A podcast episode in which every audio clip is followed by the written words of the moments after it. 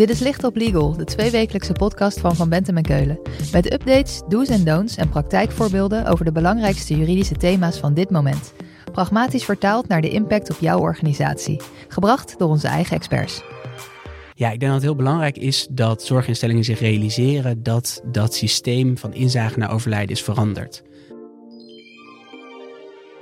Patiënten en nabestaanden van patiënten worden mondiger. De vraag om inzage in het medisch dossier komt daarom steeds vaker voor. Maar wie mag het medisch dossier eigenlijk bekijken en onder welke voorwaarden?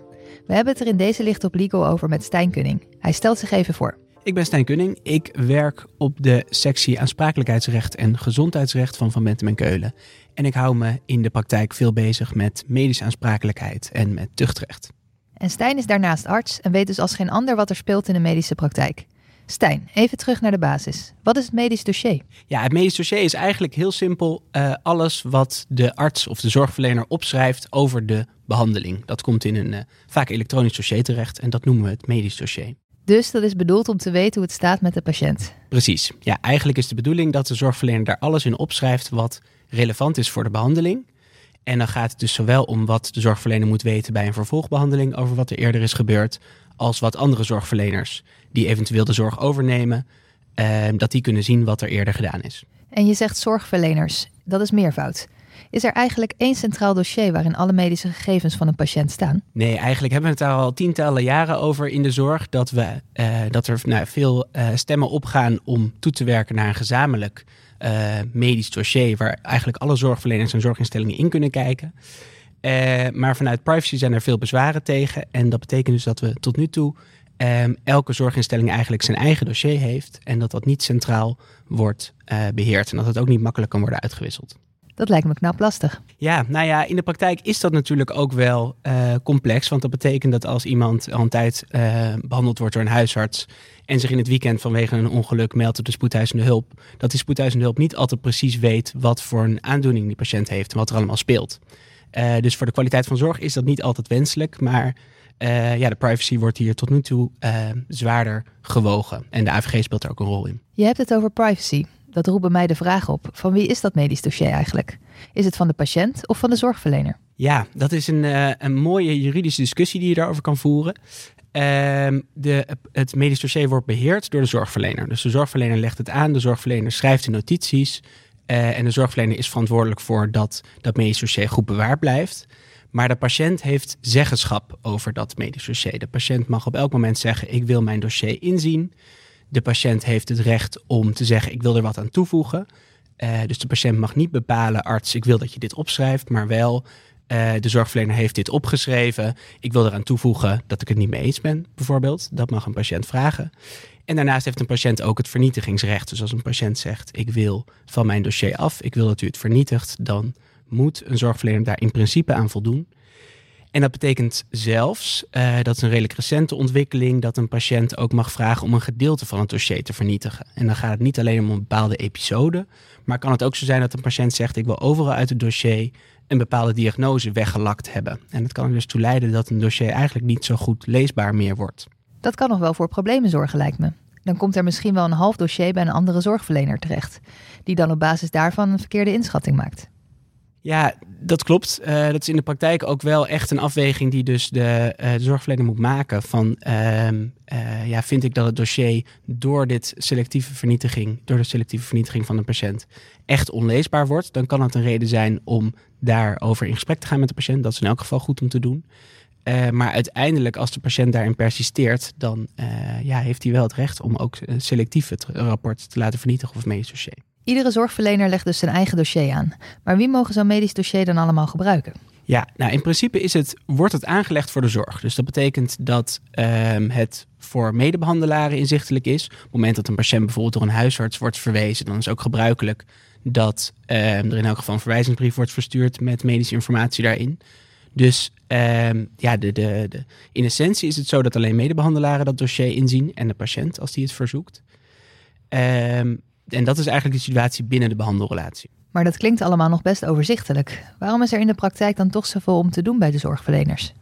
Ja, dat ziet er eigenlijk uh, op dat op het moment dat er een conflict ontstaat in de zorgrelatie, ehm, dat ehm, dan de situatie kan ontstaan dat verschillende partijen dat medisch dossier nodig hebben. Bijvoorbeeld als er een tuchtklacht wordt ingediend tegen een arts of een aansprakelijkstelling tegen een arts. En die zorgverlener heeft het medisch dossier nodig om zich te kunnen verweren. Daar was lange tijd discussie over of dat dan mag, of je dan zonder toestemming van de patiënt dat dossier mag gebruiken.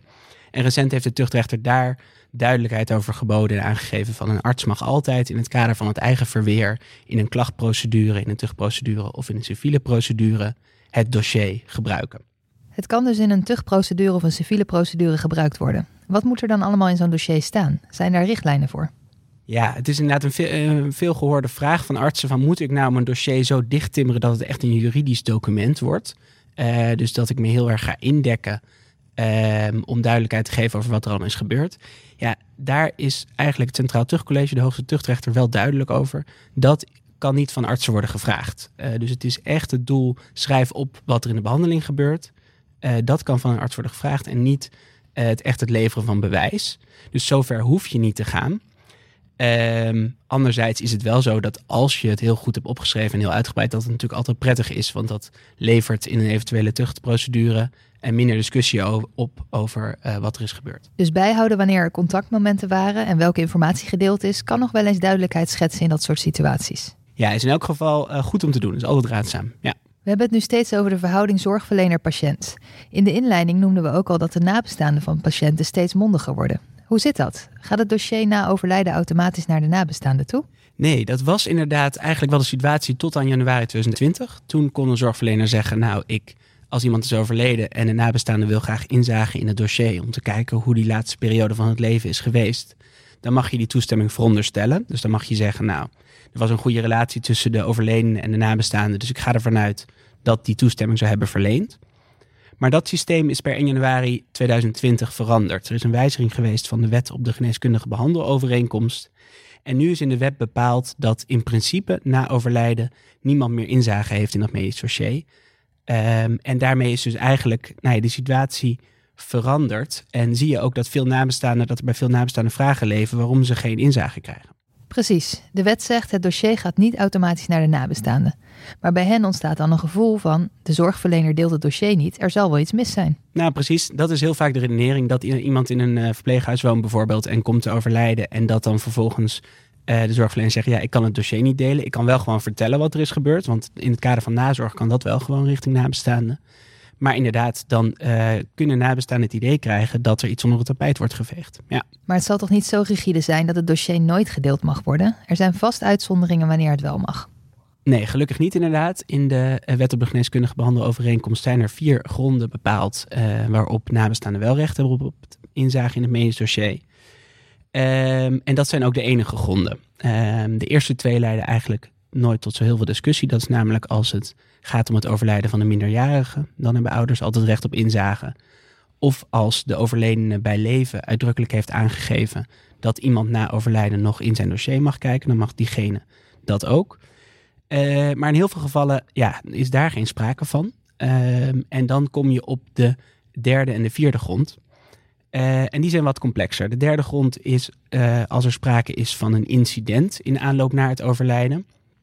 En bij een incident moet je denken aan iets wat niet beoogd is en wat ziet op de kwaliteit van zorg. Um, dus bijvoorbeeld een medicatiefout of een bedhek die niet omhoog is gezet. Uh, dat soort zaken, dat zijn incidenten die worden intern gemeld. En die moeten ook aan de nabestaanden worden gemeld. En als daar sprake van is, dan heb je um, op die grond als nabestaande recht op inzage over dat incident in het medisch dossier. Um, en dan heb je nog de vierde grond, en dat is eigenlijk de uitzonderingsgrond. Uh, die wordt met name door de jurisprudentie bepaald. En dat is wanneer er sprake is van een zwaarwegend belang. Um, en als er een zwaarwegend belang is wat zwaarder weegt dan een beroepsgeheim, dan kan je als zorgverlener zeggen: op die grond um, ga ik inzage verlenen. Maar dan is het wel van belang dat um, dat zwaarwegend belang niet op een andere wijze kan worden behartigd dan uh, door inzage te verlenen. Dus daar kom je niet zo heel snel aan. En zou je een voorbeeld kunnen geven van zo'n zwaarwegend belang? Zeker. Uh, een voorbeeld wat bijvoorbeeld regelmatig voorkomt is als het gaat om een wilsbeschikking. Iemand heeft in de laatste maanden van zijn leven het testament aangepast en bijvoorbeeld alle uh, gelden nagelaten aan de uh, huishoudelijke hulp. Ehm, dan kan de familie zeggen, ja, wij willen weten of die toen eigenlijk nog wel wilsbekwaam was. Dus dan gaan we inzage in de dossier vragen om daarover duidelijkheid te verkrijgen. Of ook bijvoorbeeld ehm, als er ehm, belangen spelen ten aanzien van afstamming. Als iemand eh, vragen heeft over genetische aandoeningen in de familie bijvoorbeeld. Uh, dat kan ook een reden zijn om uh, aan een zwaarwegend belang toe te komen. En tot slot, en dat is eigenlijk de, in de praktijk de situatie die het meeste tot discussie leidt, is als er een concreet vermoeden is op een medische fout. Um, maar wanneer sprake, is van het wanneer sprake is van een echt concreet vermoeden, Um, dat is vaak een punt van discussie, want daar kom je niet zo heel snel aan. Dan moet je dus echt omstandigheden aandragen dat het overlijden zo onverwacht was. Um, dat, um, ja, dat, er, dat er zoveel vraagtekens reizen dat je recht hebt op inzage. Je zou bijna kunnen zeggen dat je het medisch dossier nodig hebt om een vermoeden concreet te maken. Nou ja, je kan dan bijvoorbeeld denken aan de situatie dat iemand met een, uh, na het hokje met een gebroken pols op de spoedeisende hulp komt. Uh, en dat diegene 25 jaar is en een dag later overlijdt. Dat is zo'n gekke situatie dat je kan zeggen, nou dan, dat rechtvaardigt wel een vermoeden op een fout of in elk geval dat er iets is voorgevallen. Uh, maar als je inderdaad iemand hebt op leeftijd die al een tijdje met een kwakkelende gezondheid zat, dan zal er niet zo heel snel zo'n concreet vermoeden zijn. Maar hoe maak je nou zo'n vermoeden concreet zonder dat medisch dossier? Ja, uh, nou dan gaat het dus om andere omstandigheden, dus om zaken die je hebt gehoord als familie, om uh, misschien uh, zaken die je zelf hebt gezien in aanloop naar het overlijden. En om nou ja, overige feiten en omstandigheden die daaraan kunnen bijdragen. Maar dat is inderdaad lastig. Daardoor heeft, uh, daarvoor heeft de wetgever ook wel een way out in de wet opgenomen. Namelijk dat ehm, als ehm, inzage op grond van het zwaarwegend belang vanwege een vermoeden op een medische fout wordt geweigerd. Dat je dan nog de zorgverlener kan vragen om een medisch dossier te verstrekken aan een onafhankelijk medisch adviseur. En die gaat dan beoordelen of het terecht is dat uh, inzage is geweigerd. Als er iets misgaat, doen zorginstellingen natuurlijk zelf ook onderzoek. Klopt inderdaad, ja. Uh, dat rapport wordt opgemaakt ten behoeve van de kwaliteit van zorg. Dus dat dient ertoe om de zorg te verbeteren en gaat er eigenlijk niet om om te onderzoeken um, of er nou een fout is gemaakt, maar veel meer hoe kunnen we hier lering uittrekken. En je ziet dat heel veel zorginstellingen dat uit eigen beweging verstrekken aan nabestaanden of aan de patiënt zelf. Um, en er was vaak de vraag, ja, is daar nou ook een plicht toe? En daarover heeft de Hoge Raad heel recent uh, heel duidelijk geoordeeld. En die heeft namelijk gezegd, nee, het, belang dat er in zorginstellingen wordt gemeld, dat iedereen zich vrij voelt om te melden, dat het onderzoek zorgvuldig kan worden verricht, dat weegt zwaarder dan het belang van nabestaanden of een patiënt zelf om daar inzage in te krijgen. Dus uh, die hebben geen recht op inzage. Helder. Als er nou één ding is dat zorginstellingen moeten onthouden, wat is dat? Ja, ik denk dat het heel belangrijk is dat zorginstellingen zich realiseren dat dat systeem van inzage naar overlijden is veranderd. Eh, omdat ik nog in de praktijk regelmatig zie dat nog wordt uitgegaan van die veronderstelde toestemming. En dat systeem hebben we dus niet meer. En dat iedereen zich realiseert dat er dus in principe na overlijden niemand meer dat medisch dossier in mag. Stijn, dankjewel. Als we meer willen weten, waar kunnen we dan terecht?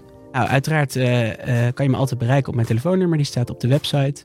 En verder is het ook goed om te weten dat wij een infographic hebben gemaakt over inzage uh, door nabestaanden, dus na overlijden van een patiënt. En die infographic die vind je ook op de website. Dit was Licht op Legal, een podcast van Van Bentem en Keulen. Te beluisteren via Spotify, Apple Podcasts of je eigen favoriete podcast-app. Wil je meer weten? Heb je suggesties voor een onderwerp? Of wil je dat onze experts hun licht laten schijnen op jouw juridisch vraagstuk? Laat het ons weten via vbk.nl/slash lichtoplegal.